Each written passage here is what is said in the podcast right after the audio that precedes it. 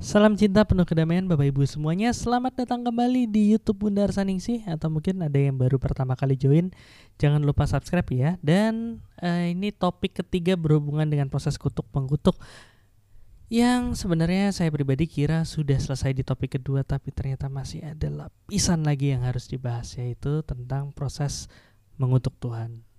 Penasaran? Kita lihat. Semesta ini penuh dengan misteri banyak yang mencoba menguak misteri, namun tak bisa karena terbatas ruang dan waktu.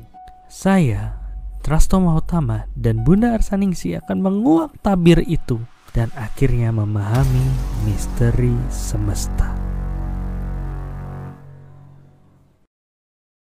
Acara ini dipersembahkan oleh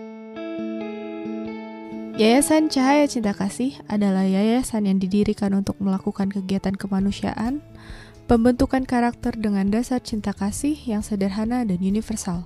Dengan support dari donatur di seluruh Indonesia, melayani secara lahir dan batin, melalui bantuan sembako, obat-obatan, penyuluhan proses olah rasa.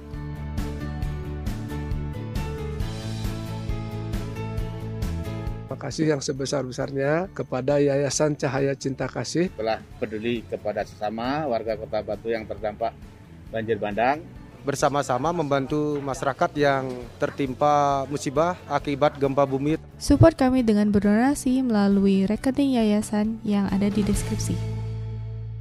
Kalau orang itu baik, dekat sama Tuhan segala macam, segala macam kutukan itu nggak akan ngefek ke dia. Sebenarnya secara energi tidak demikian. Bukannya yang yang mempengaruhi hidup kita adalah karma kita gitu. Kok, kok ini nggak adil banget ada sesuatu dari luar yang ternyata juga mempengaruhi kehidupan kita. Jadi otomatis kalau seseorang mengirimkan hal baik ya dari power energi yang rendah ke power energi yang tinggi, maka otomatis akan memantul baik Ya, baik diberi, baik didapat.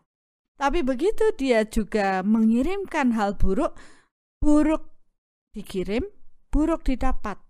Dan inilah yang kemudian menjadi istilah kalau proses kutuk mengutuk itu tidak mengutuk, tidak dikutuk, tapi terkutuk.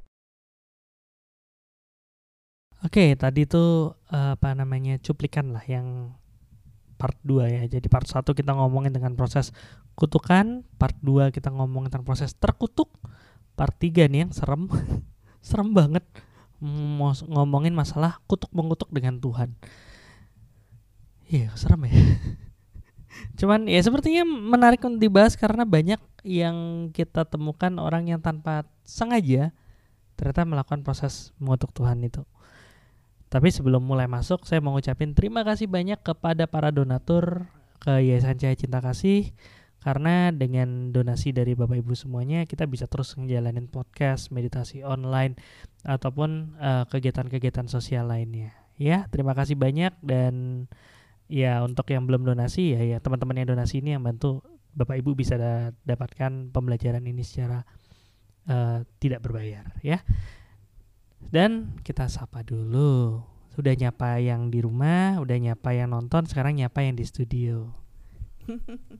Halo Deva, oh salah. Halo Bunda Arsaningsih, gimana kabarnya? saya sehat, saya damai, saya berkelimpahan. Soul is solution. Loh, kok salah? Agak agak lucu ya, nanya kabar ke orang yang tiap hari ketemu ya. Tapi kan tidak banyak yang seberuntung saya ya. Oh iya. Bersyukurlah. ya, begitulah. Nah, ya. uh, Bunda, hmm. kita mau ngelanjutin lagi nih materi yang kemarin. Kan uh, yang proses uh, part 2 mau nggak mau kita lakukan nggak live tuh.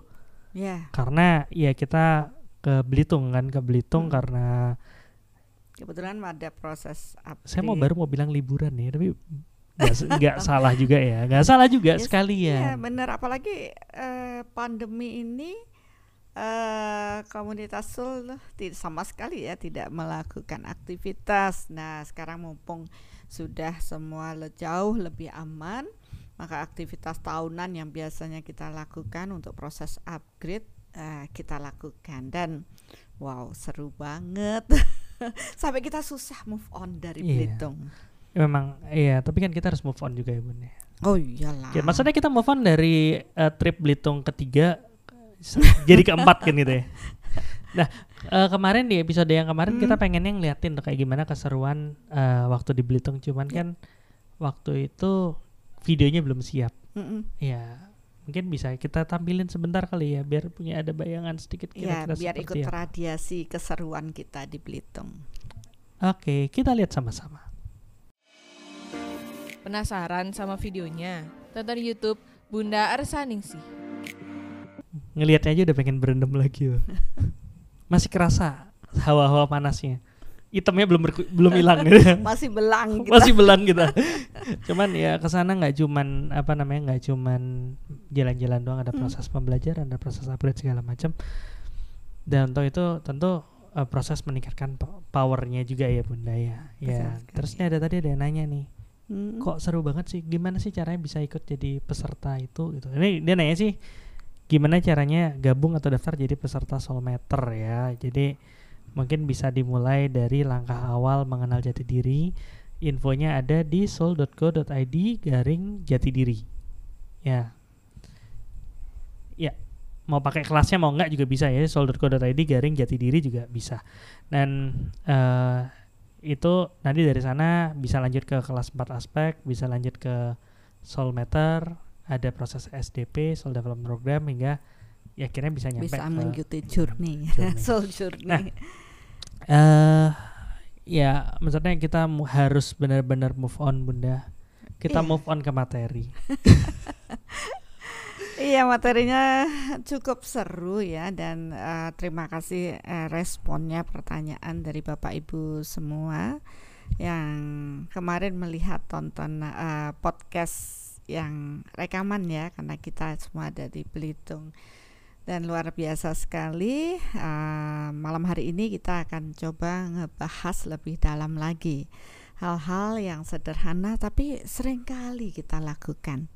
Ya tanpa kita sadari eh, melakukan hal-hal yang mungkin dianggap biasa aja tapi ternyata itu dampaknya luar biasa untuk hidup kita.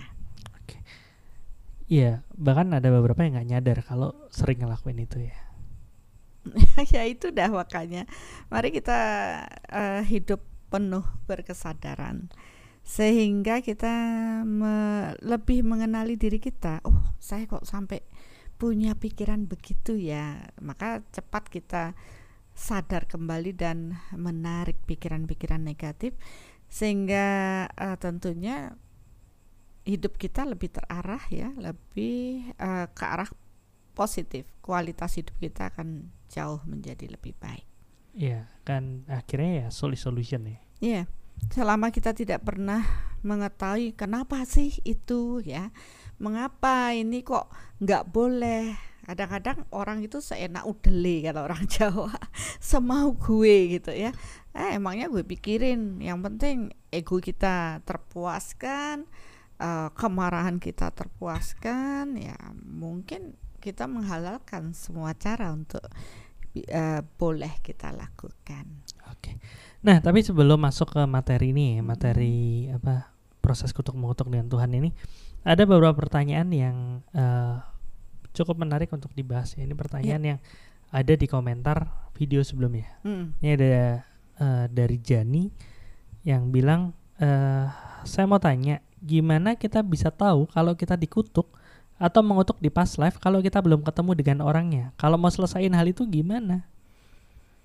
Wah ini pertanyaannya simple tapi jawabannya panjang banget nih. Iya. iya, Iya. semua ditanya itu. eh, bagaimana kita dapat mengetahui? Ini kan masih ngomong-ngomong orang ya. Ah, ah. Jadi eh, coba diulang lagi biar lebih jelas lagi. Salam cinta penuh kedamaian. Karena di sana nggak ada tulisannya. Iya, soalnya Iya. bukan dari bukan dari chat Oke. yang ini ya. Ya makanya perlu Ah. diulang lagi. Atau iya, eh, salam cinta penuh kedamaian. Mm. Saya mau tanya, gimana bisa tahu kalau kita dikutuk atau mengutuk di past life? Kalau kita belum ketemu dengan orangnya, gimana bisa nyelesainnya? Itu pertanyaan yang bagus karena selama ini yang kita eh, bahas itu berhubungan dengan ketemu orangnya. Ya, Em, pada saat kita bertemu dengan seseorang, tentu ini dalam konteks secara berfisik kita berhadapan secara berfisik ya. Kemudian ada aksi reaksi dalam hubungan itu. Misalkan kita kok dapat hal buruk terus sama dia atau kejadian-kejadian buruk sehingga kita bisa menganalisa ya niteni ke dalam apa sih yang sebenarnya terjadi.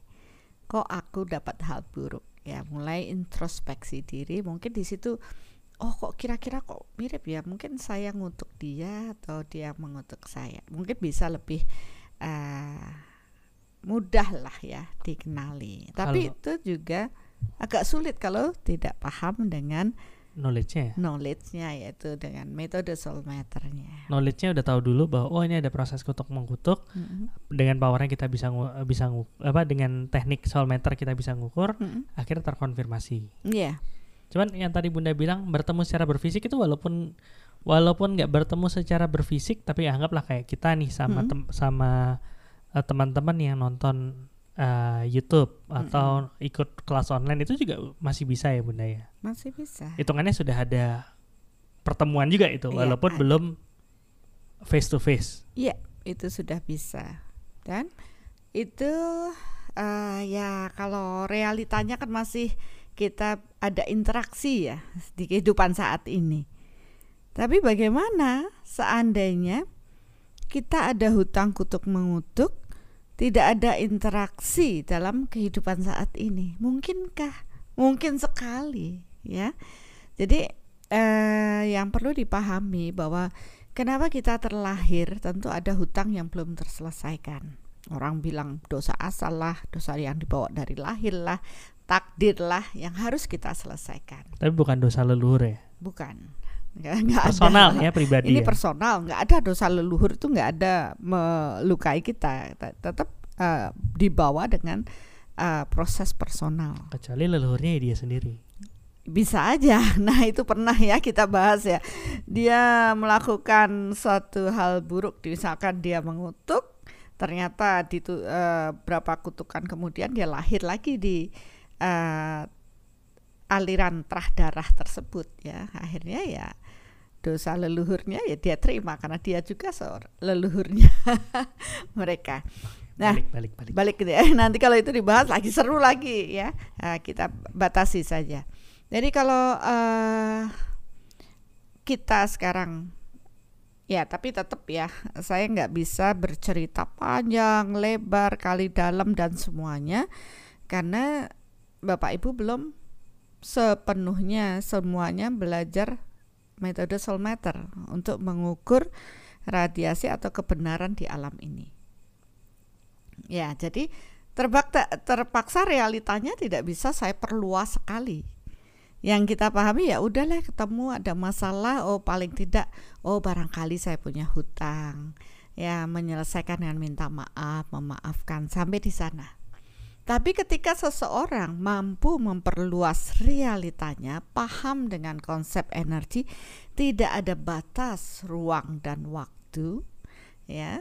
Kemudian dapat melakukan pengukuran dengan metode soul matter, measurement technique of radiation, jadi mengukur radiasi-radiasi energi yang terpeta di alam ini, maka bukan suatu hal yang mustahil lagi.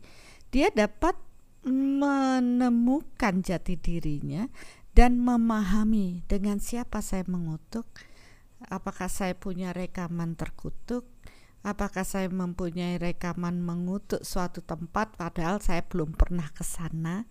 Ya, karena di alam ini semua bentukan rekaman dalam bentuk energi. Jadi belum pernah ke sana di hidup ini. Di hidup ini Di, kita belum pernah ke suatu tempat misalkan gitu. tapi bisa jadi di, Di past life-nya dia pernah hidup di sana. Dan dia mungkin pernah mengutuk tempat tersebut. Sehingga ya contoh aja mengutuk tempat tersebut ya. Sehingga oh kalau sekarang saya paham dengan metode soul matter ketika kita mau membersihkan diri kita sampai mencapai kesadaran murni berarti kita harus membersihkan diri dari semua hal di mana kita meng- pernah mengutuk orang-orang, mengutuk tempat pada rekam jejak kita di bumi ini. Ya, jadi itu dapat terselesaikan kalau power cukup mencukupi untuk proses tersebut. Nah, jadi ya bisa kita lakukan kalau ya tadi uh, kita sudah jangkauan daripada uh, realita kita sudah diperluas, paham dengan konsep energi, jangkauan power kita, power energi kita sudah cukup besar untuk dapat menyelesaikan dan kita bisa mengidentifikasi apakah kita punya rekaman-rekaman mengutuk, terkutuk atau apa pun itu. Karena semua di alam ini dalam bentuk energi semua rekamannya ada dan yang bisa menyelesaikan rekaman-rekaman buruk yang kita uh, tabur yang kita tabur di muka bumi ini hanya kita sendiri tidak bisa orang lain yang mewakili atau menyelesaikannya. Jadi ya memang tugas kita di bumi ini menyelesaikan semua hal eh, hal-hal buruk yang kita awali dan kita harus mengakhirinya sendiri. Ya jadi alfa omega itu ya harus kita paham kita mengawali ya kita harus menyelesaikan sendiri semuanya sampai uh, kesadaran kita termurnikan lagi sehingga dapat secitra dengan Tuhan. Tapi kalau kita masih membawa rekaman-rekaman buruk dalam kesadaran jiwa kita, masih ada gelap yang kita bawa, ya tentu kita tidak dapat kembali pulang ya untuk secitra atau uh, moksa atau apa pun namanya. Tentu kita akan terlahir lagi menyelesaikan hutang-hutang kita yang masih kececer di mana-mana. Apalagi kalau karakter kita buruk, nambah lagi rekaman buruknya otomatis ya lahir lagi lahir lagi lu lagi lu lagi ya dengan casing yang berbeda dengan permasalahan hidup yang yang tentunya bagian dari yang harus kita tuai yang tidak bisa kita hindari atau yang kita harus terima sebagai takdir kita. Nah, di sini pun kita tidak bisa iri hati dengan apa yang menjadi takdir orang lain. Kenapa orang lain baik saya kok buruk Tuhan tidak adil. Nah mulailah mengutuk Tuhan. Ya itu sederhana tapi ya itu bagian dari mengutuk Tuhan. Lah kok tidak terima dengan apa yang menjadi takdirmu? Kenapa nyalahin Tuhan dengan orang melihat orang lain uh, kehidupannya bagus ya? Toh saya kok buruk? Wah ini Tuhan tidak adil ini begini. Ya itu salah satu sudah mengirimkan hal negatif ya. Ya akhirnya ya tanpa kita sadari kita pun terkutuk dengan kekuatan Tuhan. Karena bahasan kemarin kan seperti itu. Ya jadi kan ya kalau tadi pertanyaannya kan gimana kita bisa tahu kita ter, uh, pernah mengutuk atau dikutuk sama seorang lain? Hmm. kalau nggak pakai soul meter susah banget. Susah banget ya. Ya mungkin ada butuh rasa. waktu ya. Butuh waktu bu, ada rasa tidak nyaman baru kita ngeh butuh waktu lagi. Dan karena proses nggak nyaman itu ada kemungkinan kita malah memproduksi karma baru. Iya karma buruk. Dan akhirnya utangnya nambah. Betul. Utangnya nambah nggak pulang-pulang. Iyalah semakin menjauh. Hmm. oke itu satu poin. Kalau nggak ketemu sama orangnya hmm. ya susah. Kalau misalnya kita tidak bisa kalau realita kita adalah realita fisik di mana ya fisik ketemu fisik. Mm. Tapi kalau kita pakai realita energi bisa melintasi ruang dan waktu, mm. mau yang bersangkutan lahir apa enggak, enggak. atau mungkin lahirnya pas enggak barengan, yang ya, penting selesai. kita bisa mm. apa bisa kita uh, lakukan proses penyelesaian karma tersebut. Itu uh, penyelesaian karma itu kayak tadi bilang dengan proses energi banyak sih yang nanya nih apakah cukup dengan kayak aku minta maaf aku maafin gitu? Kan ada tuh yang apa sih?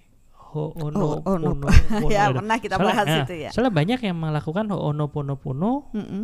ternyata orang ono opo opo gitu. Iya benar jadi kuncinya di kualitas powernya. Ya.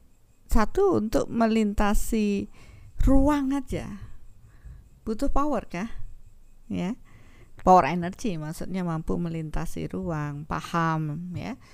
Apalagi melintasi ruang waktu di mana dalam beberapa kehidupan itu butuh power.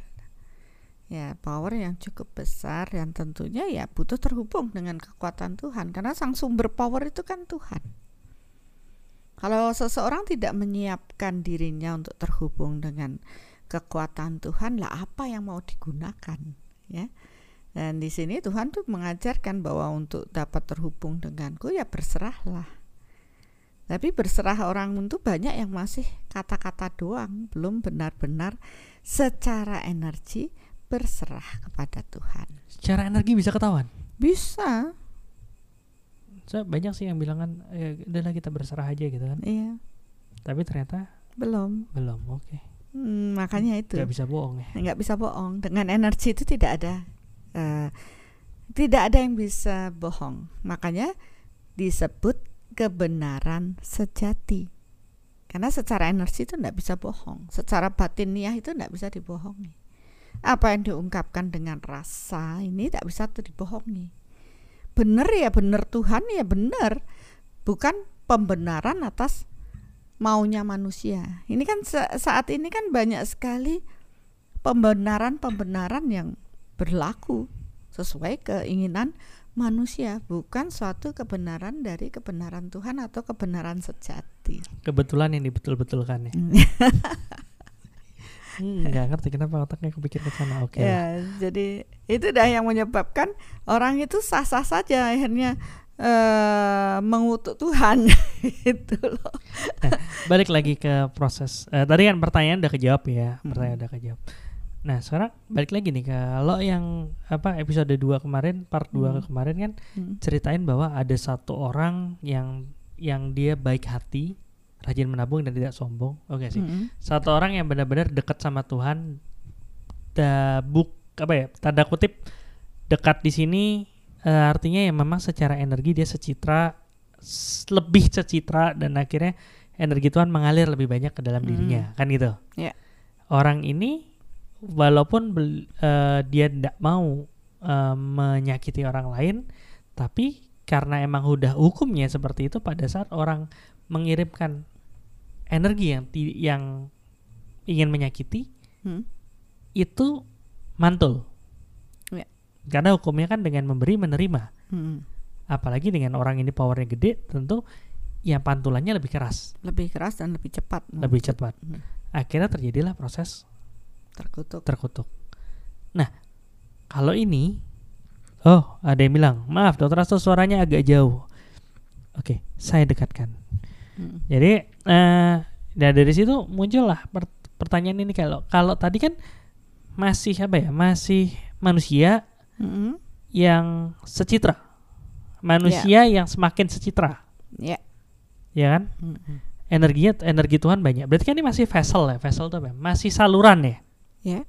Nah, gimana dengan orang yang mengirimkan emosi, mengirimkan kemarahan, mengirimkan energi nih buruk ke sumbernya sendiri? Ya jelas dia terkutuk oleh Tuhan. Iya, maksudnya kalau banyak banyak apa ya banyak, banyak teman-teman yang cerita tuh gini, kita nggak boleh salah banyak eh, nggak boleh salah mikir sama Tuhan kan gitu, Mm-mm. karena Tuhan tuh pemarah. Kalau kita melakukan yang tidak sesuai sama maunya Tuhan, Tuhan bisa murka, marah, dan eh, ngutuk kita. Itu pembenaran. Nah, ya kan saya saya mendengar saya mendengar beberapa orang menceritakan seperti itu. Jadi takut dong berbuat dosa sama Tuhan gitu. takut membuat Tuhan marah gitu. Ya sebenarnya eh, apa ya? Hukum di alam yang sudah ditegakkan itu kan hukum yang pasti mengatur semua tatanan kehidupan semua makhluk ciptaan Tuhan tanpa terkecuali ya. Berarti yang ngomong itu belum belum tahu hukum Tuhan ini gitu loh. Bukan belum tahu, belum paham benar dengan hukum yang diciptakan oleh Tuhan atau hukum alam atau hukum yang meliputi semua makhluk ciptaan Tuhan. Sehingga dia pikir bahwa eh, apa ya Tuhan akan marah dengan begini padahal tidak ada demikian. Ya sebenarnya apa yang dia dapat hal buruk ya karena dia mengirim buruk. Itu hukumnya, tabur tua itu gitu. Eh, sebenarnya Tuhan sendiri yang maha pengasih dan maha penyayang. Karena kasih Tuhan itu eh, teradiasi tanpa memilih. Cuma orang manusia-manusia aja yang tidak tahu kalau dirinya dicintai oleh Tuhannya, karena energi Tuhan sangat halus. Maka orang-orang yang kesejenisan dengan energi Tuhan yang halus saja yang mampu merasakan cinta Tuhan sangat luar biasa, mencintai makhluk ciptaannya. Ya, energi Tuhan yang sangat halus ini akan mampu ditangkap tentu hukumnya ada sejenis menarik sejenis. Jadi kenapa kita harus menyiapkan ruang di dalam diri kita agar kita mampu menghadirkan kekuatan Tuhan di dalam diri kita. Nah, bagi mereka yang belum punya kesejenisan tentu mereka akan menghujat Tuhannya mengatakan tidak adil lah Kenapa yang ini dikasih baik, saya buruklah. Kenapa Tuhan terus menyiksa saya? Kenapa Tuhan memberikan cobaan kepada saya? Itu yang sering dikatakan orang. Kenapa Tuhan memberikan cobaan kepada saya? Padahal Tuhan tuh nggak pernah ngasih co coba-coba pada anaknya kan kita sebagai anak Tuhan nggak pernah diberikan. Iya, bahkan Emangnya sama anaknya coba-coba gitu Iya, kan ya. Itu kayak kayak iklan Gak usah disebut ya. Iya, kayak iklan minyak angin ya. Jadi sebenarnya bukan karena eh, Tuhan memberi kita cobaan supaya kita kuat tangguh tidak yang apa yang kita tanam itu yang kita tuai ya berarti otomatis ketika kita menuai hal buruk koreksi batin lah jangan menyalahkan keluar apalagi menyalahkan Tuhan mengutuk Tuhan ya itu sangat-sangat disayangkan Ini ada lagi yang bilang suaranya kurang keras. Mungkin bisa disesuaikan nih, dibantu ya. Oke. Eh yang lain gimana? Ya kita lanjut aja ya. Nanti kalaupun ternyata pas ditonton suaranya kurang keras atau gimana, kita bisa re-upload kan ya. Oke. Bunda ngomong kayak gitu ada pertanyaan yang menarik. Oke. Dicintai Tuhan itu contohnya gimana, Bunda? Pertanyaannya simpel. Jawabannya Ya Bunda kan yang ditanya kan saya saya cuma bacain doang. Semangat Bunda, semangat. iya gimana ya dicintai Tuhan itu seperti apa banyak orang yang tidak tahu sebenarnya tidak paham bahwa sesungguhnya Tuhan itu sangat mencintai kita sudah disiapkan semua oleh Tuhan untuk kita dapat bertumbuh. Terbukti dengan eh, sabda-sabda Tuhan yang turunkan di kitab-kitab suci barang siapa berserah padaku aku akan memenuhi semua kebutuhanmu dan melindungi apa yang kamu miliki. Itu bentuk cinta Tuhan kepada kita. Ya, dan sering kita tidak merasa Tuhan itu mencintai kita karena kita diberikan cobaan banyak. Kenapa demikian? Ya karena mereka tidak mengenal Tuhannya. Kenapa tidak mengenal Tuhannya? Karena mereka tidak mengenal dirinya. Maka di sini pun kita akan tahu kalau muncul pertanyaan kayak apa sih dicintai berarti kalian belum mengenal diri kalian yang sesungguhnya. Di sinilah pentingnya kita mulai mengamati diri, jangan hanya uh, menuntut keluar. Ada yang nggak beres dalam diri saya ketika saya tidak merasakan Tuhan mencintai saya. Tapi ketika mereka bertumbuh dan mulai mengenal dirinya, akhirnya mereka bisa meyakini ayat-ayat di dalam kitab-kitab suci semua ini bahwa sesungguhnya Tuhan sangat mencintai kita. Ya, Tuhan memberikan planet bumi ini sebagai planet terakhir untuk proses pendewasaan jiwa dari makhluk-makhluk ciptaan Tuhan yang sebelumnya sebelum terlahir sebagai manusia. Maka bersyukurlah kita yang menjadi penghuni planet bumi ini untuk menyiapkan diri untuk bertumbuh, melepas kegelapan-kegelapan yang kita bawa sehingga akhirnya kita akan dipenuhi dengan cinta kasih.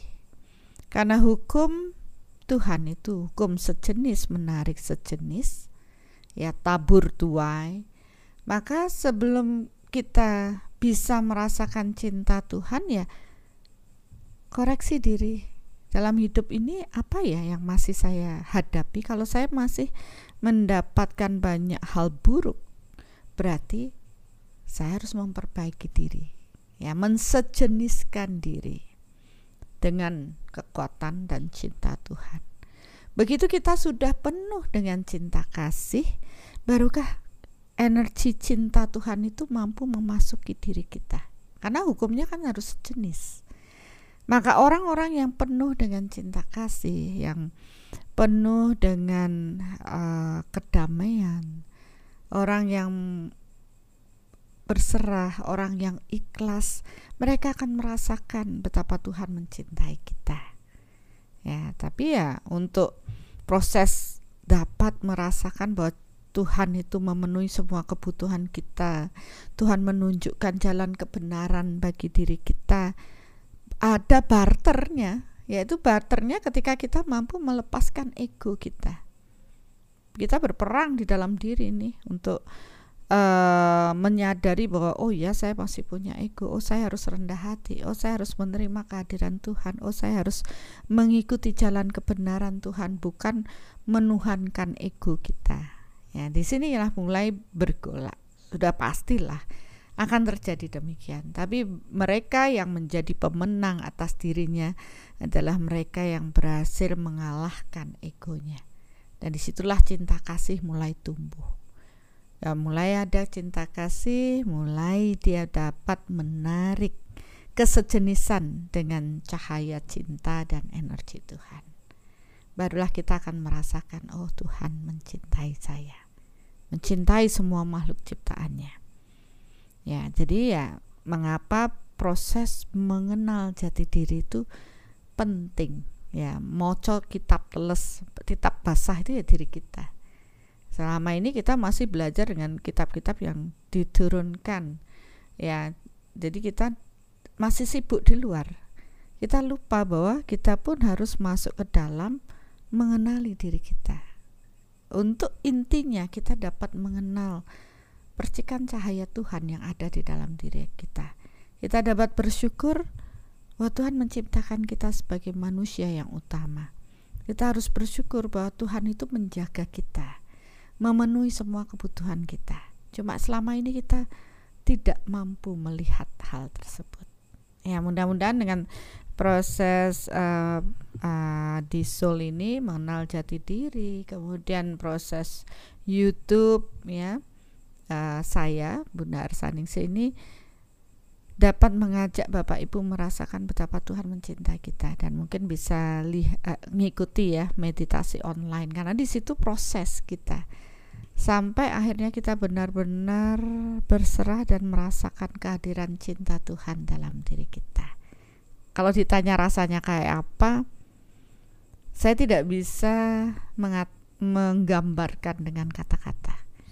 Eh, susah sih. Jangankan ngomongin masalah dicintai Tuhan, jelasin pedes ke orang yang nggak pernah makan cabai itu susah. Ya itu, makanya kan Kenapa dalam setiap pembelajaran ketuhanan ya kita bahas secara universal ya saya tidak bahas agama karena di secara universal itu kan sebenarnya eh, agama itu diciptakan oleh manusia ya agama. Padahal eh, proses jiwa luhur diturunkan ya untuk mengarahkan kesadaran umat manusia bertumbuh lebih baik. Mungkin bisa ikuti di YouTube saya berhubungan dengan misteri semesta jiwa luhur ya. Okay. dibahas di sana dan di proses setiap proses uh, pemahaman mengenai ketuhanan itu pasti akan diarahkan untuk proses pengenalan diri kemudian menyadari kekuatan Tuhan yang maha besar ini semua akan mengarah bagaimana manusia dapat menyadari bahwa mereka dicintai oleh Tuhannya. Iya, ya bukan teori ya. Ya.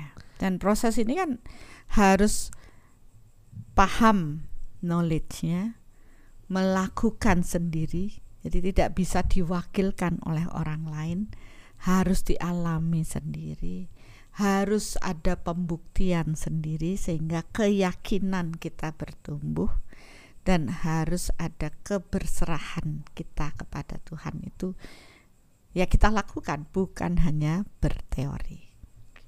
Iya, seperti ada ada satu quote yang sempat saya uh, baca itu kan dia bilang uh, ya spiritual itu ya kita merasakan sendiri ya. Maksudnya Mm. ya bukan kita dengar cerita orang dengar pengalaman orang abis itu kita percaya gitu aja enggak. Tapi ya kita harus jalani sendiri baru kita bisa ngerasainnya seperti itu. Oke eh ini ada pertanyaan. Bunda tadi ngomong tentang proses masuk ke dalam. Bang Maulana langsung nyamber nih cara untuk masuk ke dalam gimana bun apa harus sering ngamatin dan merenungkan diri dari luar diri atau luar diri sebagai cermin apa gimana bun Ya, kalau ini kan eh, pertanyaan yang bagus ya. Eh, masuk ke dalam eh, diri ini kan banyak istilah ya. Eh, apa ya istilahnya mengamati diri ya tentu merenung itu juga bisa sebagai kata-kata yang tepat dan belajar melihat ke dalam itu kalau mungkin orang awam kan agak susah ya. Kadang-kadang ingat eh, apa yang kita lakukan beberapa jam yang lalu aja kita sudah lupa. Apalagi kita suruh mengingat bagian-bagian dari rekaman kita. Maka yang belajar yang paling bagus adalah eh, seperti di buku Soul Reflection yang saya tulis adalah orang lain adalah cerminan diri kita. Ya. Jadi kita mengamati juga orang-orang terdekat dengan diri kita. Kita dilahirkan dari keluarga yang bagaimana? Terus eh, mereka-mereka yang datang pada diri kita itu bagaimana? Seringkali dari situlah kita dapat eh, lebih kuat lagi dalam mengamati. Kalau karena hukumnya kan sejenis menarik sejenis karena ini berhubungan dengan proses batiniah yang di dalam diri tentu kita kalau tidak ada tolak ukurnya dengan metode soulmeter agak susah Bapak Ibu jadi orang-orang ya melakukan itu ya melihat orang lain itu sebagai cerminan diri maksudnya bagaimana ketika di dalam batin kita terradiasi marah ya maka kesejenisan yang datang adalah orang-orang yang suka marah pada diri kita.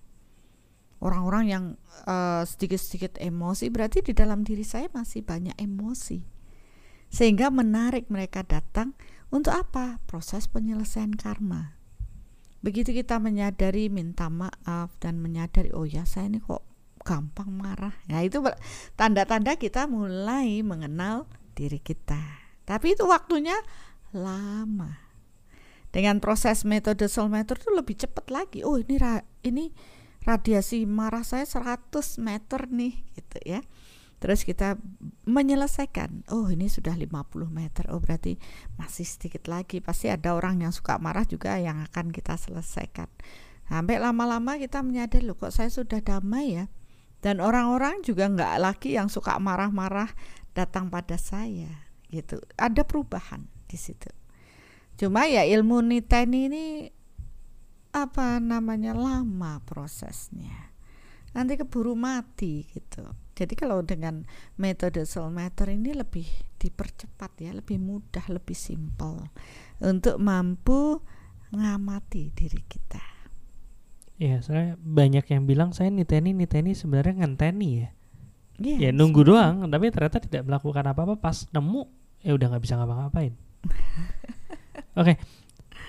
Uh, tadi saya mikir kan saya pengen Hmm. pengen balikin lagi materinya ke proses kutukan ke Tuhan tapi uh, bingung saya lewat mana nih Ya, uh, bedanya. Tapi- mengalir aja Dokter Astu kalau menurut saya ya. dan ternyata ada pertanyaan yang bagus bun yang Oke. yang sesuai sama apa yang Mm. saya yang mau saya tanyain gitu kutukan itu terjadi karena Tuhan yang mengendakinya kan nggak ada sesuatu yang kebetulan ya ini maksud mungkin nggak cuma ngomongin kutukan kayak tadi bunda bilang ya pemarah itu loh. Bukannya semua yang terjadi di alam ini tuh eh, apa ya karena Tuhan? Gitu kan? Yang menghendaki. Menghendaki gitu. Kalau Tuhan nggak berkehendak kan daun aja nggak bisa jatuh kan seperti itu. Berarti orang marah itu juga apakah karena Kehendak kehendak Tuhan. Tuhan? Lah kok enak kalau gitu? Itu kan menghalalkan semuanya. Kalau oh gitu itu karena kehendak Tuhan? Tidak. Itu kan baru persepsi manusia. Tidak seperti itu ya karena proses kebenaran bertingkat ya saya tidak bisa komplain sama orang yang masih menganggap bahwa oh kutukan itu eh, apa terjadi karena Tuhan menghendaki. Ya kalau sudah begitu ya nggak level lah ya. Oh ya saya oh ya sudahlah pemahamannya masih di situ. Karena banyak yang mengatasnamakan kehendak Tuhan itu tapi akhirnya jadi penyesatan. Ya itu yang harus kita pahami bahwa kita tidak boleh menelan mentah-mentah apa pun itu yang dikatakan orang. Kita harus tahu kebenaran. Ya jadi banyak orang yang oh itu kan sudah kehendak Tuhan. Karena Tuhan berkehendak maka hidup saya jadi murat marit ya sebenarnya hidup lu ya karena lu sendiri bukan karena Tuhan gitu Tuhan tuh hanya me, me- apa menata proses awal penciptaan kemudian hukumnya yang menciptakan hidup Bapak Ibu baik buruknya ya Bapak Ibu sendiri karena Tuhan sudah memberikan akal budi kehendak bebas untuk kita memilih apa yang kita lakukan. Ya kalau kamu dengan hukum tabur tua ya kamu berbuat baik ya baik kamu dapat, berbuat buruk buruk kamu dapat. Kalau kamu kutukan itu terjadi karena Tuhan berkehendak ya tidak seperti itu. Kehendak Tuhan semuanya baik, mengarah pada kebaikan. Tapi ya kehendak manusia yang memilih untuk hal buruk tadi. tapi kan di kehendak manusia juga mengarah pada kebaikan. Ya kan ya kalau menur- mengarah kebaikan ya Ta- baik. Ini kan kita bilang eh, kehendak manusia yang buruk ya mengarahkan manusia menuju hal buruk. nggak masa pertanyaannya kebaik apa kebaikan menurut siapa kan gitu Iya itu tadi. tapi kalau misalnya ya kesannya kayak nggak ada yang nggak ada yang apa ya nggak ada yang absolut jadinya Ya, karena si A punya pendapat begini si B punya pendapat seperti itu. tapi ya balik lagi ke bunda bilang kebenaran bertingkat ya Iya. Makanya kita nggak usah berdebat dengan yang begitu. oke kalau eh, apa ya pemahamannya udah berbeda ya sudahlah. Toh nanti mereka akan bergesek sendiri sampai mereka bertumbuh kesadarannya dan akhirnya menyadari oh ya inilah kebenaran. Kalau kita di soul matter ini eh, di soul ini kan mengajarkan ayo jangan berlama-lama di sana. Ayo bertumbuh, pahami kehendak Tuhan atas diri kita. Pahami kebenaran-kebenaran yang ada di alam ini, bukan pembenaran manusia. tapi eh ya balik lagi ke pembenaran manusia ya kan yang biasanya dipakai pembenaran adalah proses free will ya Ya. kehendak bebas gitu soalnya katanya Tuhan ngasih kita kehendak bebas. Kita mau berkehendak ini kok nggak dikasih? Habis itu komplain. Dan katanya Tuhan nggak adil. Hmm. banyak kan gitu kan? Hmm. kayak tadi bunda bilang eh ya Tuhan itu me- apa namanya memenuhi apa yang kita butuhkan. Mm-mm. pasti banyak juga yang akan bilang buktinya saya butuh ini saya nggak dapat. Saya butuh ini nggak dapat. Orang itu yang nggak butuh malah ada bla bla bla bla bla. Akhirnya ngirim emosi ngirim marah Kan segala ada macam. syaratnya. Barang siapa berserah kepadaku, aku akan memenuhi semua kebutuhanmu. berarti nggak nggak bisa dipotong-potong gitu ya Nggak saya bisa. cuman Mutlak itu berserah. saya cuman mengambil bagian di, di apa dipenuhinya aja tapi saya nggak mau berserah gitu nggak bisa Nggak bisa. Makanya itu tafsir-tafsir dalam proses eh menafsirkan dari apa ya ada di kitab-kitab itu kan sering salah penafsiran sesuai dengan apa? Kehendak manusianya.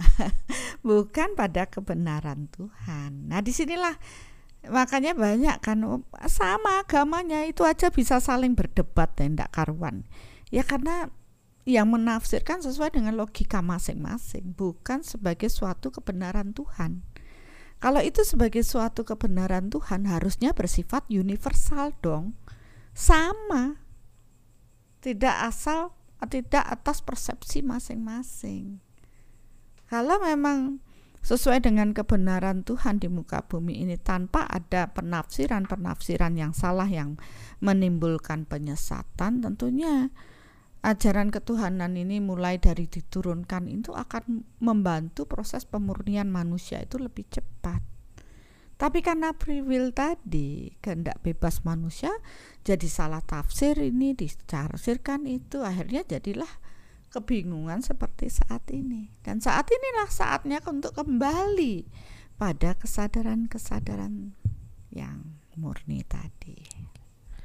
Jadi free will kalau kita salah memahami ya yang harusnya sesuatu yang diturunkan untuk untuk membuat suatu jalan yang lurus gitu hmm. malah jadi kriwil-kriwil ya. kriwil-kriwil. bisa aja. Oke. Jadi ya itu maksudnya orang bilang free will bisa boleh ini boleh itu boleh ini ya boleh-boleh aja tapi yeah. kan tetap balik ke yang Bunda bilang dengan hmm. memberi menerima kalau kita melakukan memberi sesuatu yang buruk ya sudah pasti kita akan menerima buruk. Bukan keinginan Tuhan. Bukan keinginan Tuhan. Nggak nggak bisa nyalain Tuhan. Nggak bisa nyalain Tuhan. Oke. Nah masalahnya hmm Gimana cara kita tahu kehendak Tuhan ya Bunda? Apakah cukup dengan berserah diri? Ini kan pertanyaannya biasanya orang uh, ya aku udah ngikutin kehendak Tuhan kok, gitu kan?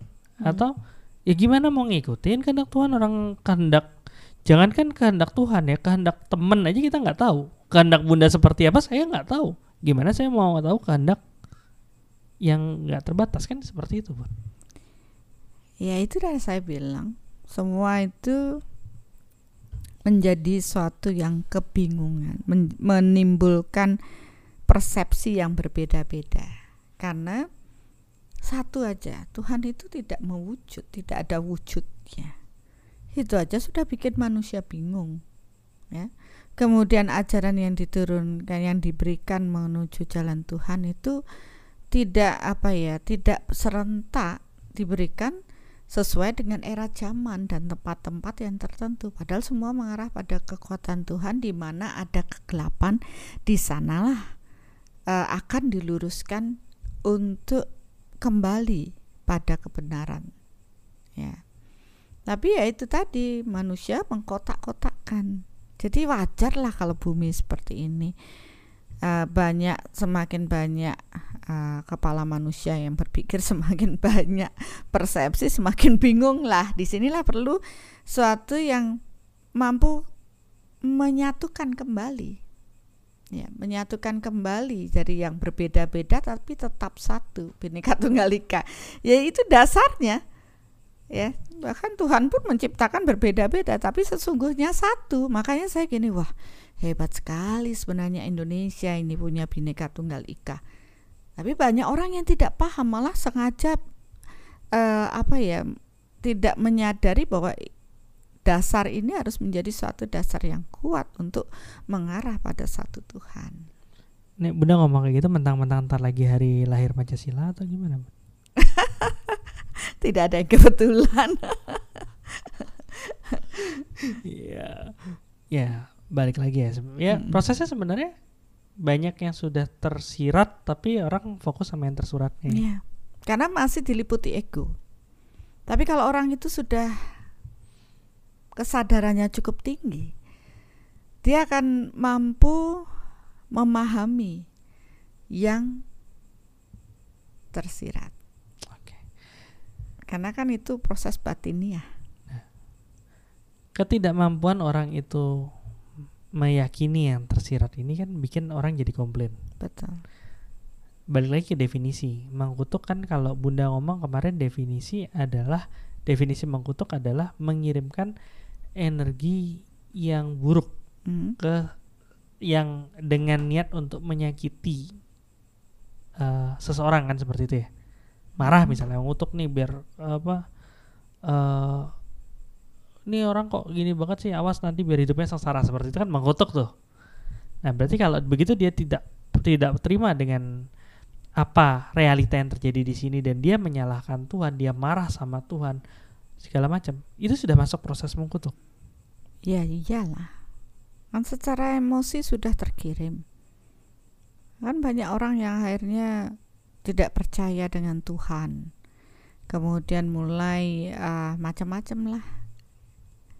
Ya, itu pilihannya. Jadi saya pun mulai aware atau mulai menyadari itu ya pada saat saya uh, melakukan ya mulai masuk ke proses dulu nama sih soul reflection ya waktu menuntun orang untuk melakukan soul reflection untuk bisa terhubung dengan Tuhan itu susah banget. Jalurnya ketutup. Terus apa yang kenapa kok bisa uh, tidak bisa energi Tuhan tuh memasuki tubuh seseorang? Setelah saya mati lama saya telusuri oh dia mengutuk Tuhannya. Langsung putus hubungan dengan Tuhan. Mungkin itu dilakukan di past life tetapi ternyata energinya masih tertutup Walau, jalurnya jadi eh, eh, gimana ya walaupun di kehidupan ini selalu sangat taat berusaha untuk apa benar-benar mengikuti kehendak Tuhan tapi di kehidupan dulu pernah nantangin Tuhan. Hmm. Ada kesombongan. Ad, ada kesombongan gitu. Hmm. Ya akhirnya ya ketutup jalurnya. Jalurnya ketutup. Sampai ada penyadaran diri, pertobatan itu. Karena uh. kan tetap hukum tabur tua harus berjalan. Jadi dia pun harus mendapatkan penderitaan dengan proses itu. Dia harus terpuruk hidupnya. Dan harus merasakan kayak apa sih ya bukan uh, secara sederhana aja eh manusia jadi ingat sama Mena eh manusia udah syukur loh terlahir jadi manusia kok malah jadi uh, egonya tambah naik dengan kehendak bebas. Padahal seharusnya tuh terlahir sebagai manusia tuh untuk menyadari bahwa bagaimanapun manusia tuh membutuhkan Tuhannya. Menyadari kebesaran Tuhan, menyadari bahwa kita itu bagian dari percikan Tuhan dan menyadari bahwa sejatinya kita harus kembali dan uh, apa ya mensyukuri proses penciptaan diri kita. Ya, semakin manusia ini mengingkari Tuhannya, semakin dia jauh ya semakin terpuruk kehidupannya. Jadi kalau melihat seperti itu, ya pada saat-saat menghadirkan kekuatan Tuhan itu ada yang karena baik dia menyiapkan ruang di dalam dirinya untuk Tuhan, keyakinannya kuat tanpa ada rekaman buruk mengutuk Tuhan atau apa ya krisis keyakinan terhadap Tuhan ya energi akan mengalir tapi ya mereka-mereka yang mengutuk Tuhannya jalur energi Tuhan masuk aja susah kecuali dia menyadari dan melakukan pertobatan.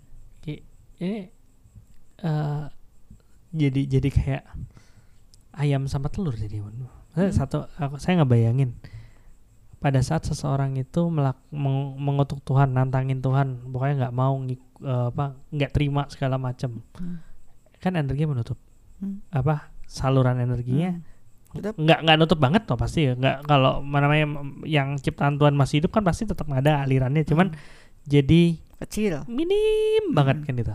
Makanya itu dibilang proses keterhubungan dengan Tuhan itu bagaikan seutas tali apa rambut kalau dia tidak uh, menyadari bahwa dia membutuhkan Tuhannya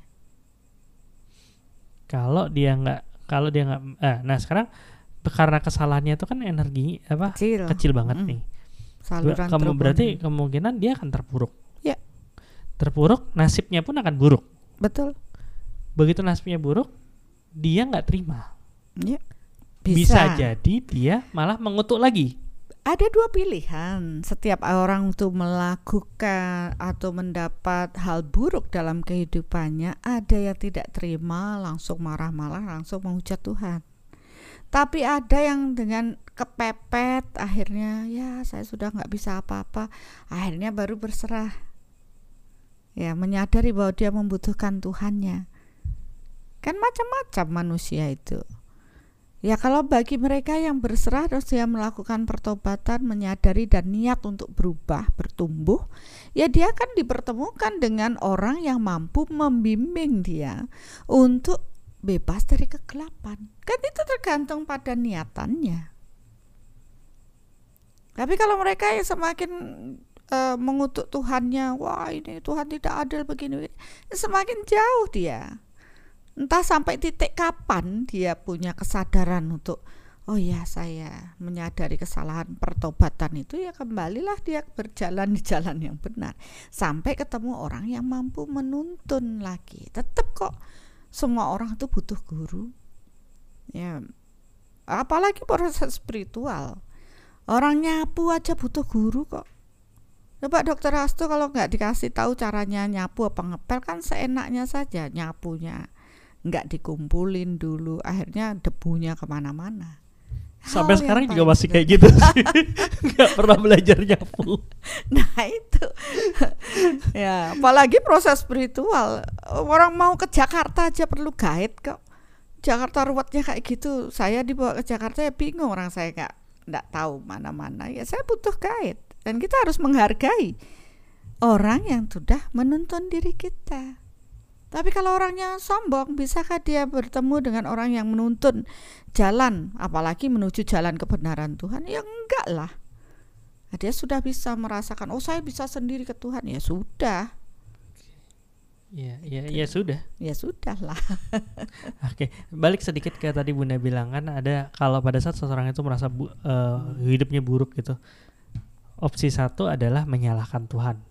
Hmm. Makin terpuruk opsi dua muncul uh, apa ya ma, ada kesadaran muncul dan akhirnya dia ketemu sama uh, karena proses penyadaran dalam dirinya berubah akhirnya dia menarik proses pembelajaran-pembelajaran ataupun mentor-mentor yang bisa membantu dia untuk kembali membuka ya, proses jalur. keterhubungannya kan seperti itu. Tapi ada juga yang ketiga uh, kalau tadi udah bilang kan cuman dua itu gitu tapi ini ada berarti dari Junita uh, dia bilang gini ada orang yang merasa sangat bersalah menyalahkan diri sendiri apakah mungkin tuh akhirnya dia malah mengutuk dirinya sendiri secara sengaja atau tidak kan banyak tuh ya orang bilang saya hmm. adalah orang yang penuh dosa. uh, saya orangnya bodoh. Saya, uh, saya sih enggak sih ya. Saya itu nyontohin, afirmasi. Nyontohin, nyontohin itu ya itu afirmasi tapi ya. tapi beda nih beda. bukan proses ya jadi uh, dengan dia mengutuk sendiri dirinya sendiri kan karena uh, proses kutuk mengutuk kan ada hukum mengalir ya kan mengalir dari power ke power kan gitu dan ada efek gema ya eh, sebenarnya bukan dari efek gema itu karena dengan hukum memberi menerima apa yang dia kirim ya dia akan berbalik menerima ya. Nah sedangkan untuk diri sendiri itu kan cuma gue aja satu aja. Nggak ada perbedaan level energi ya ya saya aja. Berarti itu bukan mengutuk tapi afirmasi negatif pada diri saya. Saya yang menciptakan diri saya seperti ini gitu. begitu itu juga sama dengan mental block kita yang ngeblok sendiri bahwa saya adalah pendosa, saya pendosa, saya orang berdosa, terus saja ya akhirnya ngeblok seperti itu. Tapi begitu ada kesadaran tidak bersama Tuhan saya pasti bisa, saya akan berjuang, saya akan bertumbuh. Ya, ya bertum proses pertumbuhan itu kan step by step, nggak langsung lah jadi langsung kinclong gitu kan tidak. Ya mari bertumbuh bersama, bertahap. Seperti itu. Tapi walaupun orang itu muncul ada kesadaran untuk akhirnya dia oh ya ternyata saya butuh nih hmm? saya butuh Tuhan saya butuh bertumbuh yeah. tapi di kehidupan dulu uh, pernah buat kesalahan yang bikin aliran energi Tuhannya minim banget apakah cuman dengan penyadaran diri bahwa oh ya saya butuh guru saya butuh Tuhan segala macam itu bisa mengembalikan lagi ya karena kan seperti Buddha bilang kalau proses minta maaf memaafkan tanpa power ya bukan ono pono pono tapi orang ono opo opo kan gitu kan hmm. nah sedangkan powernya dia sendiri eh, defisit karena prosesnya dia sendiri dulu gitu. Jadi dia nggak walaupun dia dapat kesadaran dapat apa ya nggak nggak akan ada perubahan karena energinya nggak nggak ngalir. Ya, kalau kita paham dengan energi ya dia masih terblok kan. Tapi paling tidak dengan proses ini kan seperti hukumnya sejenis menarik sejenis. Begitu ada kesadaran meningkat saja satu poin, maka dia akan dipertemukan dengan proses kesadaran yang kesejenisannya. Dan ini akan membantu proses mendukung untuk proses eh, bertahap bertumbuh tadi hingga akhirnya salurannya kembali pada saluran yang pernah dicapainya dulu. Tapi kalau tidak dimulai dari diri, ya nggak akan berarti apa-apa. Tapi diri kalau dia mulai dari diri dan akhirnya cuma mengandalkan diri sendiri nggak bisa juga. Ya nggak bisa. Tetap nanti akan namanya juga manusia itu makhluk sosial kok. Pada proses ini pun dia akan berinteraksi dan jangan salah. Tuhan pun akan istilahnya ada orang Tuhan akan mengirimkan eh, malaikat apa penyelamat apa apalah gitu.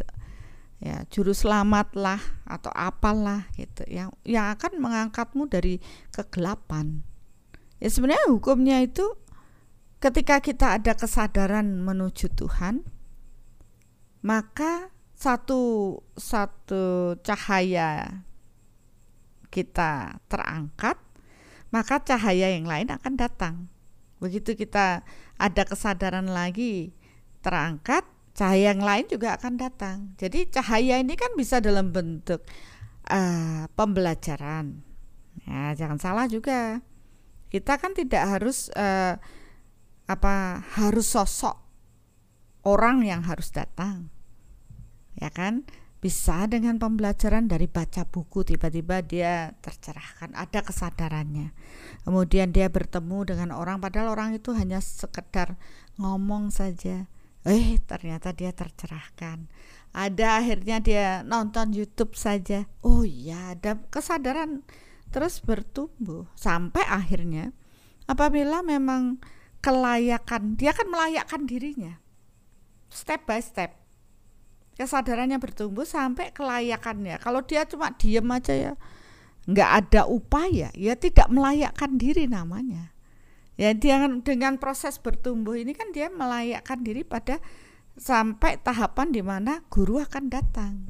Kalau ini mungkin dia baru belajar dari yang lain dari buku dari bacaan dari YouTube atau dari orang yang tiba-tiba nongol ngasih uh, membuat kesadarannya bertumbuh. Ya, Dokter Rudi Pui bilang belum muncul di sini. Oh, ini baru. Guru akan datang ketika murid siap. Ya, Betul. ini ini penjelasannya sebenarnya seperti ini. Bet, seperti itu. Walaupun gurunya itu datang kar bukan eh, ya karena satu kebetulan ataupun apa ya, misalnya papasan. Hmm. Tapi si muridnya belum menyiapkan ruang di dalam Lewat dirinya. ya.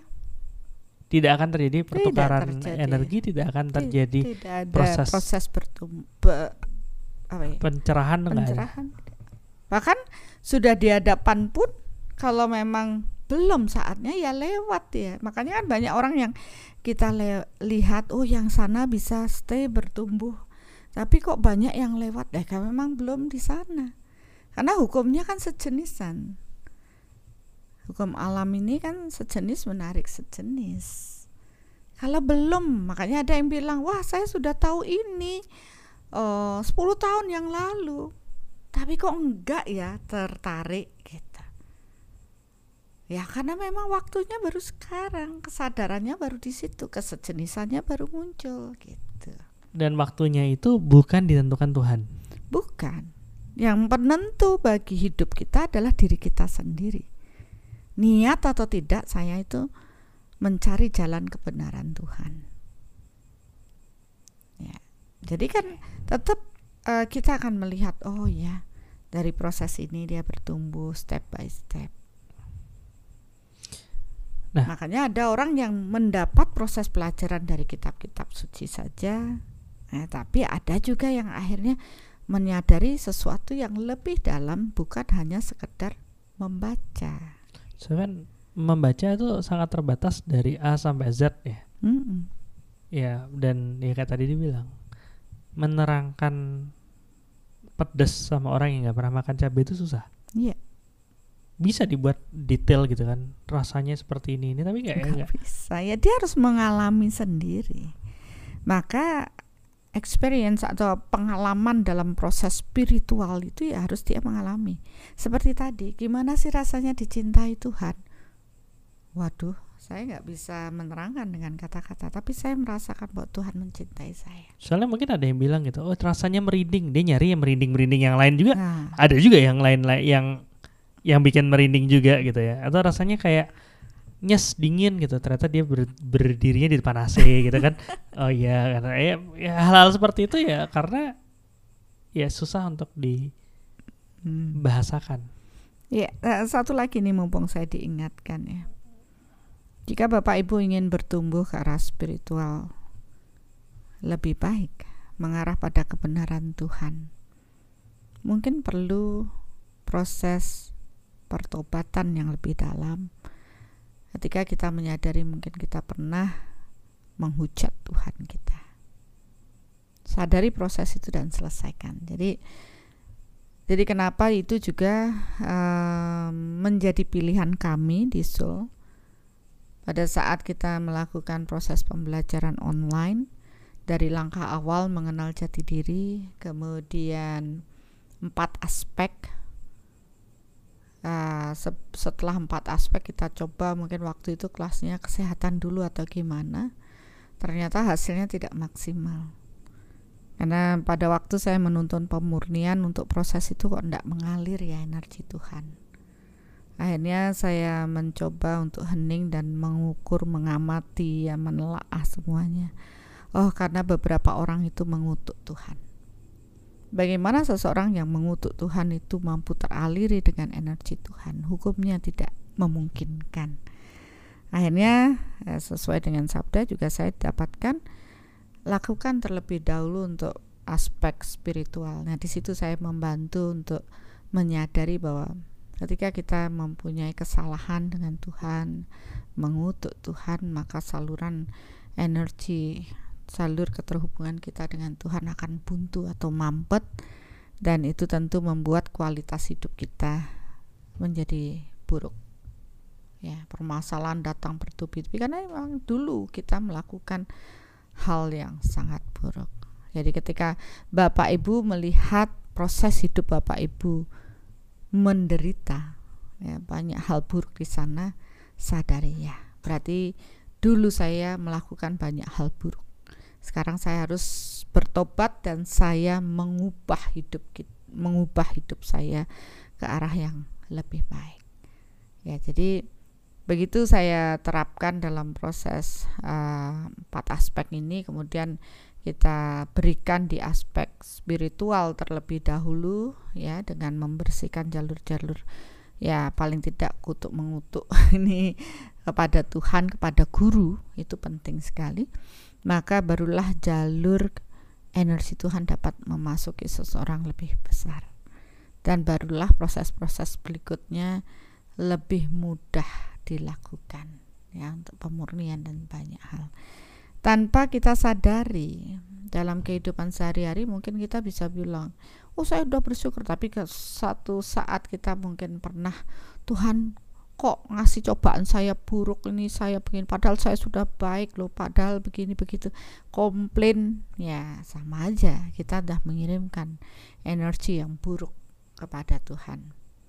Mungkin sadari hal tersebut dan biarkan uh, kita senantiasa terhubung dengan Tuhan menguatkan keyakinan dan kepercayaan kita kepada Tuhan. Mungkin ini ya memang paling sulit kenapa? Karena Tuhan tidak berwujud. Iya. Dan nggak semua jadi ngerti gitu. jadi ngerti Yang kayak gimana sih?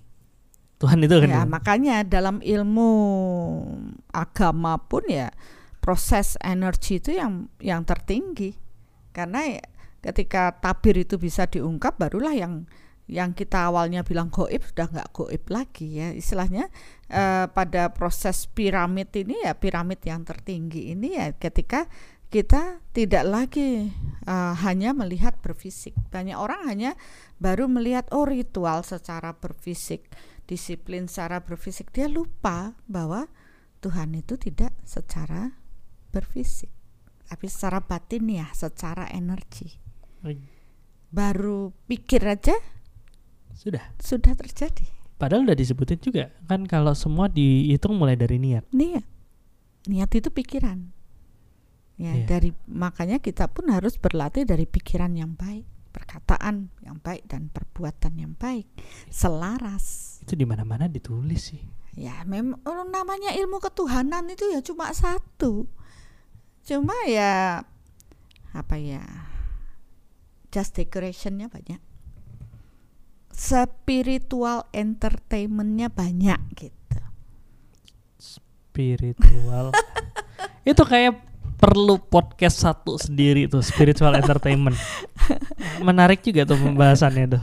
Oke. Iya, kita kan masuk yang mana, mau pilih yang mana. Orang tuh kan sering senengnya tuh dikasih entertain gitu kan baru wah. Dan kadang-kadang begitu dikasih sesuatu yang simple, kok simple Masa gitu sih? Kok simple sih. gitu ya? Kalau bisa diruwetin kenapa harus simple kan itu? Eh salah ya. Kalau bisa disimpelin kenapa harus ruwet? Harusnya begitu. Tapi orang-orang tuh semakin ruwet semakin dicari. Semakin simpel ah, enggak, sing ndak bejaji katanya. apa lagi itu? tidak men, ndak bejaji itu tidak berharga gitu. Oh gitu. Oke. Ya soalnya saya nggak ngerti. Ya, oke. Ini ada jawaban. Pantesan Bunda di Bali. Iya, iya, iya udah ya. Iya. Kok tahu? Ya. eh satu yang menarik dari Bunda omongin tadi itu adalah kan kita awalnya adalah ngomongin eh, proses kutuk mengutuk sama Tuhan. Mm. Cuman tadi di tengah perjalanan pembicaraan kita, kok tiba-tiba muncul guru gitu ya? Hmm. Ya kan? Ya. Maksudnya tadi ngomongin person Tuhan. Mm. Terus tiba-tiba kok muncul guru gitu. Ya karena eh, pemahaman ketuhanan itu sesuatu yang sulit untuk dibahas. Ya. Karena Tuhan tidak berfisik. Manusia berfisik. Logika manusia masih yang berfisik. Jadi butuh penuntun spiritual yang Tuhan berikan diturunkan itu yang kita sebut jiwa luhur. Yang mampu menyampaikan eh, pembelajaran Tuhan pada umat manusia lainnya. Karena manusia kan kesadarannya masih bertumbuh, masih terbatas. Sedangkan jiwa luhur ini lebih luhur, dan lebih luhur itu tentu lebih kualitas jiwanya berbeda ya. Higher soul itu lebih tinggi lah kesadarannya daripada manusia biasa karena dia sebagai penuntun, perantara ya. Jadi eh, tetap diproses kenapa setiap proses spiritual itu butuh guru? Ya wong guide aja. Kita aja butuh guide mau ke Jakarta seperti contoh saya tadi. Apalagi proses menuju Tuhan. Kalau di- eh, jiwa itu belum sampai kepada Tuhannya belum secitra atau belum pernah mengenal Tuhan bagaimana dia bisa ngajakin orang eh kamu ke Tuhan itu ke sini ya lewat jalan ini lah nah, ke, kalau kita nyaplir arahnya ke tempat yang lain ya semua tersesat jadinya. Jadi ya kenapa Tuhan menurunkan jiwa luhur untuk proses ketuhanan ini? Guru ya orang mengatakan guru sejati. Ya karena dia aja yang tahunya sejatinya proses untuk menuju Tuhan. Tapi kan akhirnya banyak sekali yang. Opini-opini ya Karena- tapi ya bebas-bebas aja lah Katanya guru sejati itu diri sendiri. nah itulah banyak banyak opini Ya op aja lah ya. ya sudahlah Ya Sudah. Oke, nah ini ada satu statement yang menarik dari Bu Nani Setiorini. Ini salah satu penulis di buku Akhirnya Beneran Bahagia. Ada nggak bukunya ya? Ya jadi eh, kemarin kita kumpulin beberapa teman yang sedang apa yang berproses mencari bahagia, mengenali bahagianya. Dan akhirnya mereka bisa menemukan akhirnya beneran bahagia gitu. Dan dan terima kasih banyak eh apa Bu Nanis udah mau menulis di buku akhirnya beneran bahagia ini yang eh, menginspirasi banyak orang yang baca kalau nggak baca ya nggak terinspirasi Iya. Dan ini statementnya lucu ya, eh, lucu, menarik yaitu adalah mengakui kesalahan Tuhan memang pastinya sulit bunda bagi orang yang orang biasa yang belum mengetahui cara mengenal Tuhan. Iya. Dan ini jadi ngingetin saya sama sharingnya siapa sih yang, yang dari Mbak R- Bu Riri ya? Iya. Iya, dari Mbak Riri. Eh, sempat sharing tentang proses bagaimana mengenal Tuhan. Ini kita mungkin dengerin sama-sama ya. Saya Riri, eh, saya dari Mataram, Lombok, profesi sebagai dokter umum. Saya melihat YouTube dari Bunda, ya eh, berapa kali awalnya seperti itu, eh, kemudian saya merasa kok sesuai dengan saya eh, apa yang Bunda paparkan di YouTube. Kemudian kebetulan juga eh, suami saya juga eh, ada teman yang sudah pernah ikut eh, WSM. Kok banyak banget ya bertumbuhnya gitu jiwanya, lebih tenang, kemudian lebih baik. Syukurnya mendaftar ndak berapa lama ada kehendak Tuhan eh, mengikuti sampai selesai di hari ketiga. Menurut saya luar biasa ya yang saya dapatkan.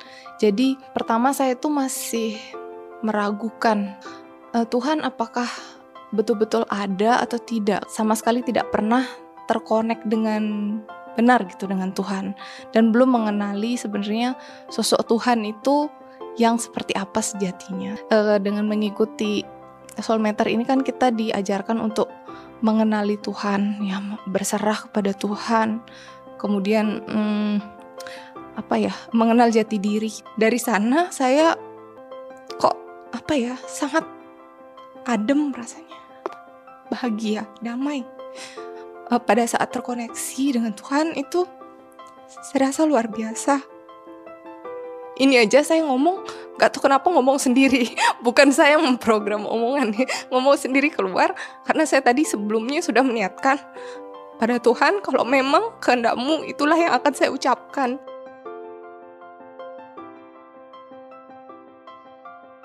semuanya berkesan. Cuman eh, yang sangat berkesannya lagi sih eh, terutama pada saat saya pertama kali ngeliat bunda tuh terharu kayak seperti saya kok rindu gitu.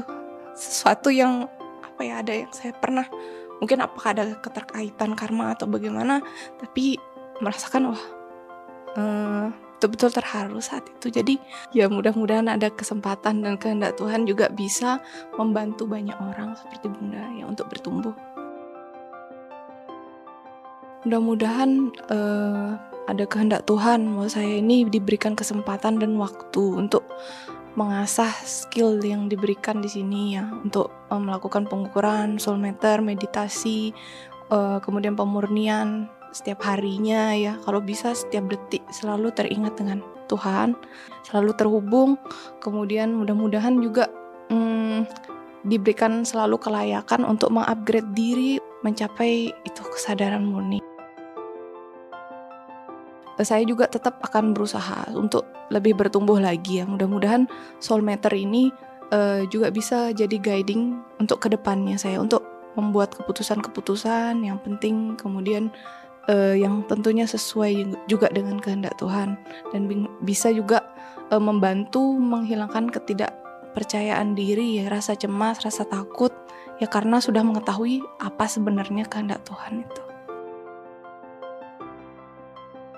uh, harapan saya sih semua orang bisa tahu ya uh, tentang apa yang diajarkan oleh Bunda ini ya, tentang proses soul meter, kemudian sebenarnya spiritual itu seperti apa, keterhubungan kita dengan Tuhan, bermanfaat penting ya untuk ke depannya supaya bisa lebih berkembang dan lebih dekat tentunya dengan Tuhan. Jangan sampai salah jalan.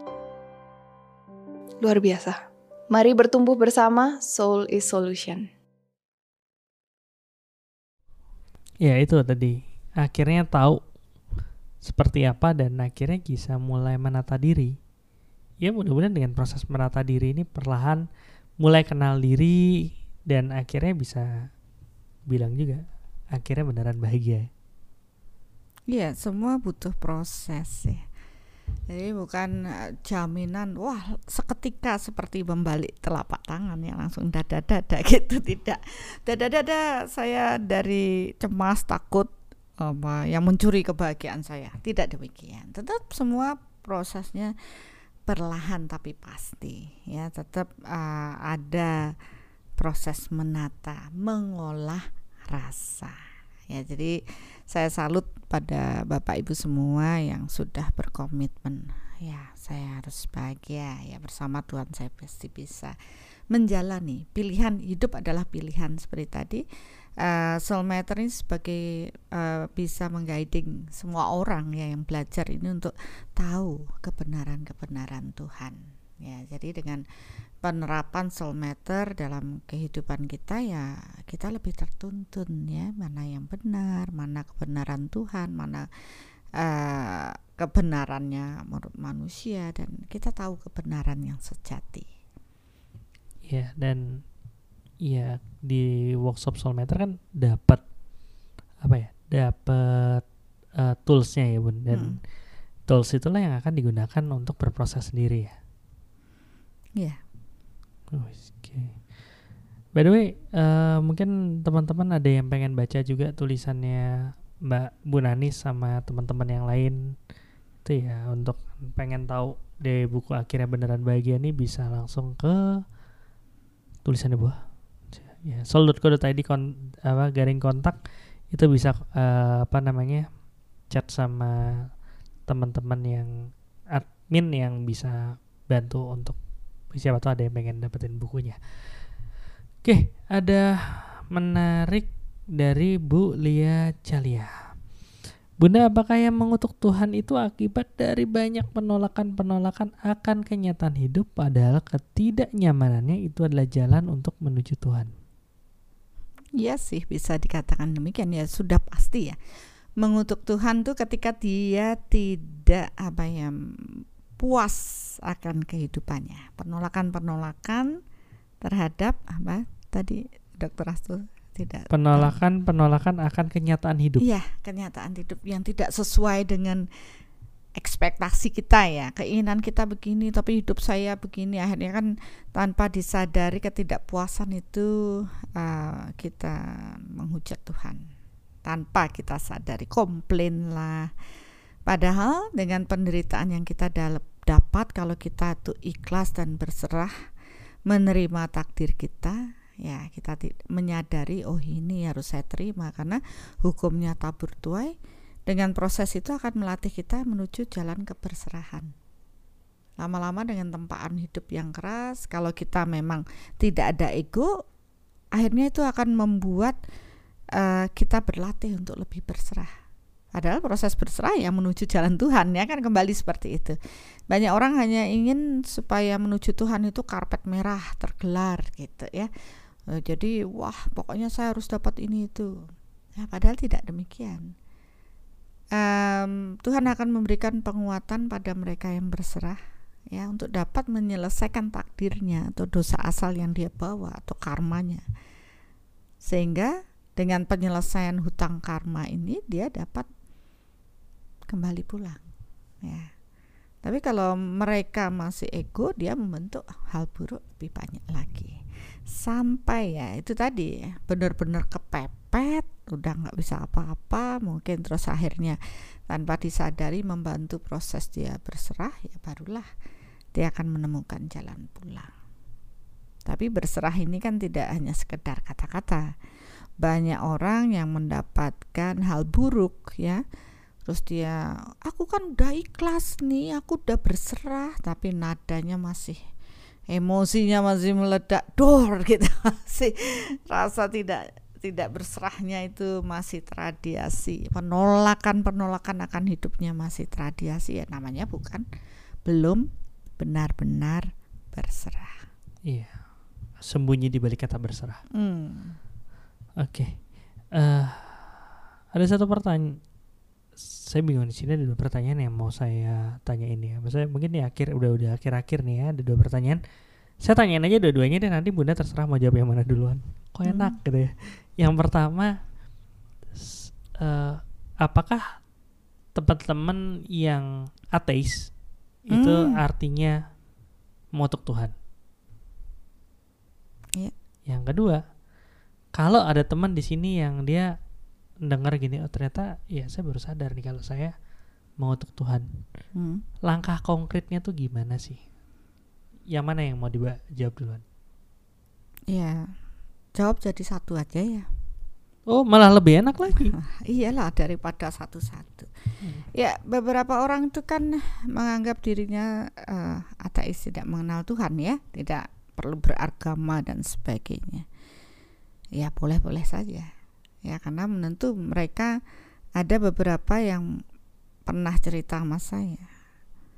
Karena saya nggak setuju dengan yang agama A, saya nggak setuju dengan agama B, akhirnya saya tidak tidak uh, memilih beragama.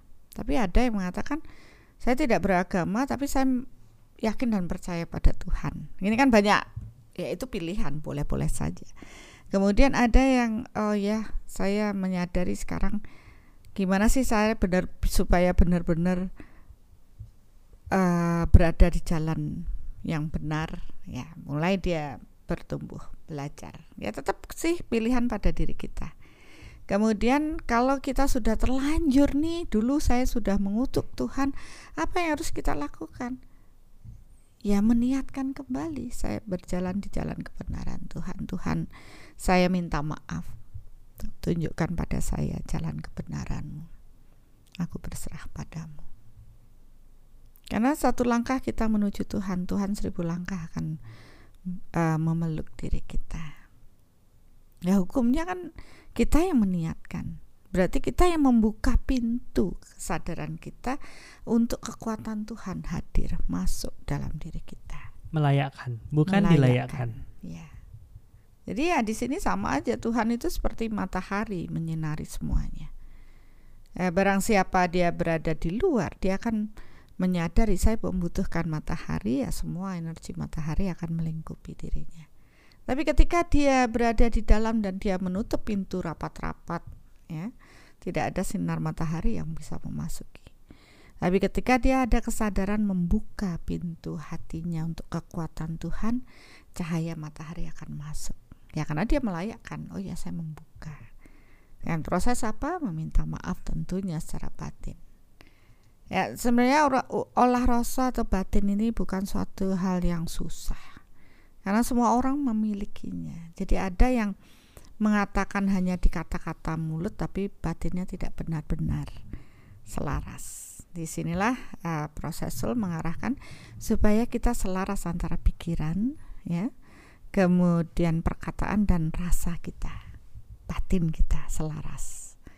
Nah tentunya uh, ungkapkan itu dengan kusyuk ya. Wah ya saya membutuhkan Tuhan saya membutuhkan jalan untuk dapat kembali pulang. Dengan hukumnya sejenis menarik sejenis, maka ada saja tanpa disadari kebetulan-kebetulan yang akan datang yang membuat kita tertuntun pada kebenaran Tuhan. Tapi ingat, proses menuju Tuhan harus diawali dengan proses kerendahan hati.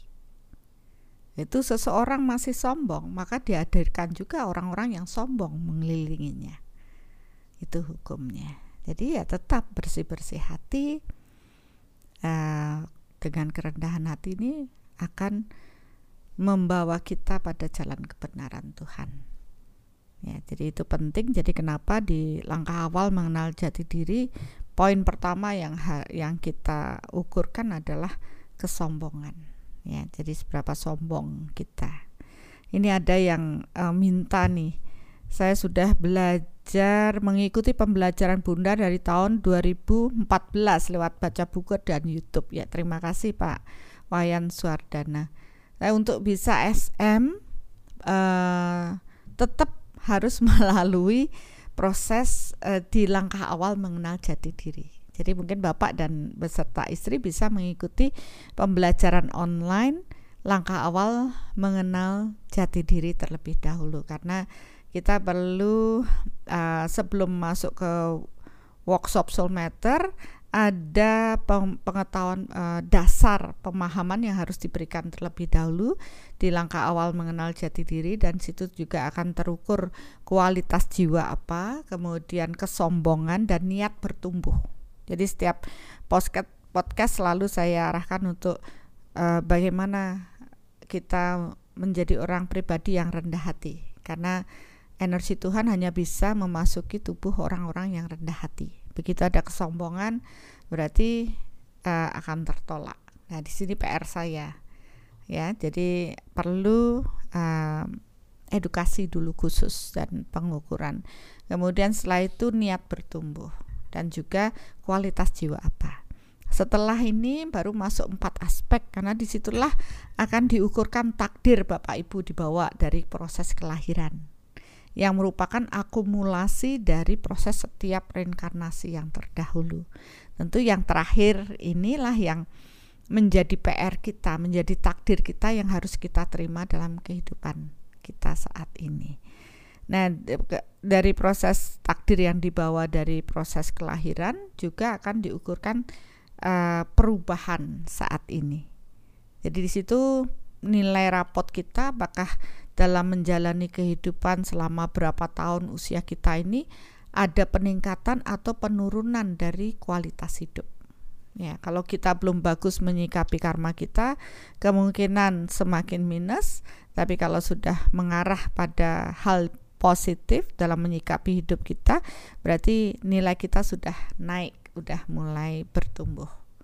Ya, itu sebagai dasar untuk nanti bisa mengikuti workshop Soul Matter memang uh, banyak orang berpikir bahwa mengikuti pelajaran ini cukup di YouTube saja ya karena di YouTube ini kita bagikan untuk proses mengedukasi memang tidak berbayar dan ini bersifat umum karena ini juga bagian dari uh, apa yang sudah Bapak Ibu donasikan melalui Yayasan Cahaya Cinta Kasih. Jadi ini bisa terus berlanjut ya karena tetap pembelajaran akan datang pada saat tepat sesuai dengan uh, kebutuhan dan tentu ada proses di balik proses ini uh, Yayasan Cahaya Cinta Asih yang mensupport semua pembiayaan dan sebagainya. Tapi ternyata di balik ini ada pembelajaran yang lebih khusus bagi mereka yang memang berniat untuk lebih memperdalam. Ya, kalau yang di YouTube masih bersifat umum dan itu baru berteori istilahnya knowledge pengetahuannya saja. Sedangkan masuk nanti di uh, online uh, di pembelajaran langkah awal mengenal jati diri sudah mulai diukurkan lebih menjurus ke proses personalnya dan nanti bekal di pembelajaran langkah awal mengenal jati diri dan juga pem, uh, penilaian empat aspek menjadi bekal kita nanti mengikuti workshop soul matter. Jadi tolong diikuti sesuai dengan tahapannya karena ya mau nggak mau kan uh, proses knowledge perlu ditambahkan terlebih dahulu. Dan bagi yang belum ya bisa mencicil dengan pemurnian juga dengan meditasi online soul reflection. Ya, jadi proses melayakkan diri itu bukan dengan proses wah nunggu aja saya tidak, tetap kita berupaya uh, untuk proses uh, upgrade yang lebih lagi. Iya, yeah, itu.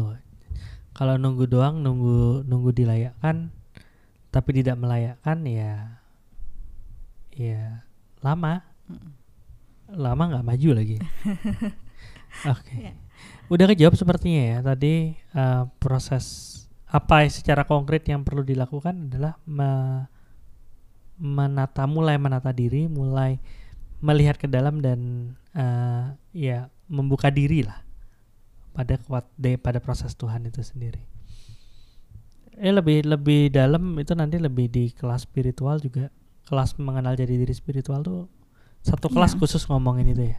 Iya, satu kelas khusus uh, ngomongin uh, permasalahan dengan Tuhan ya dan juga guru.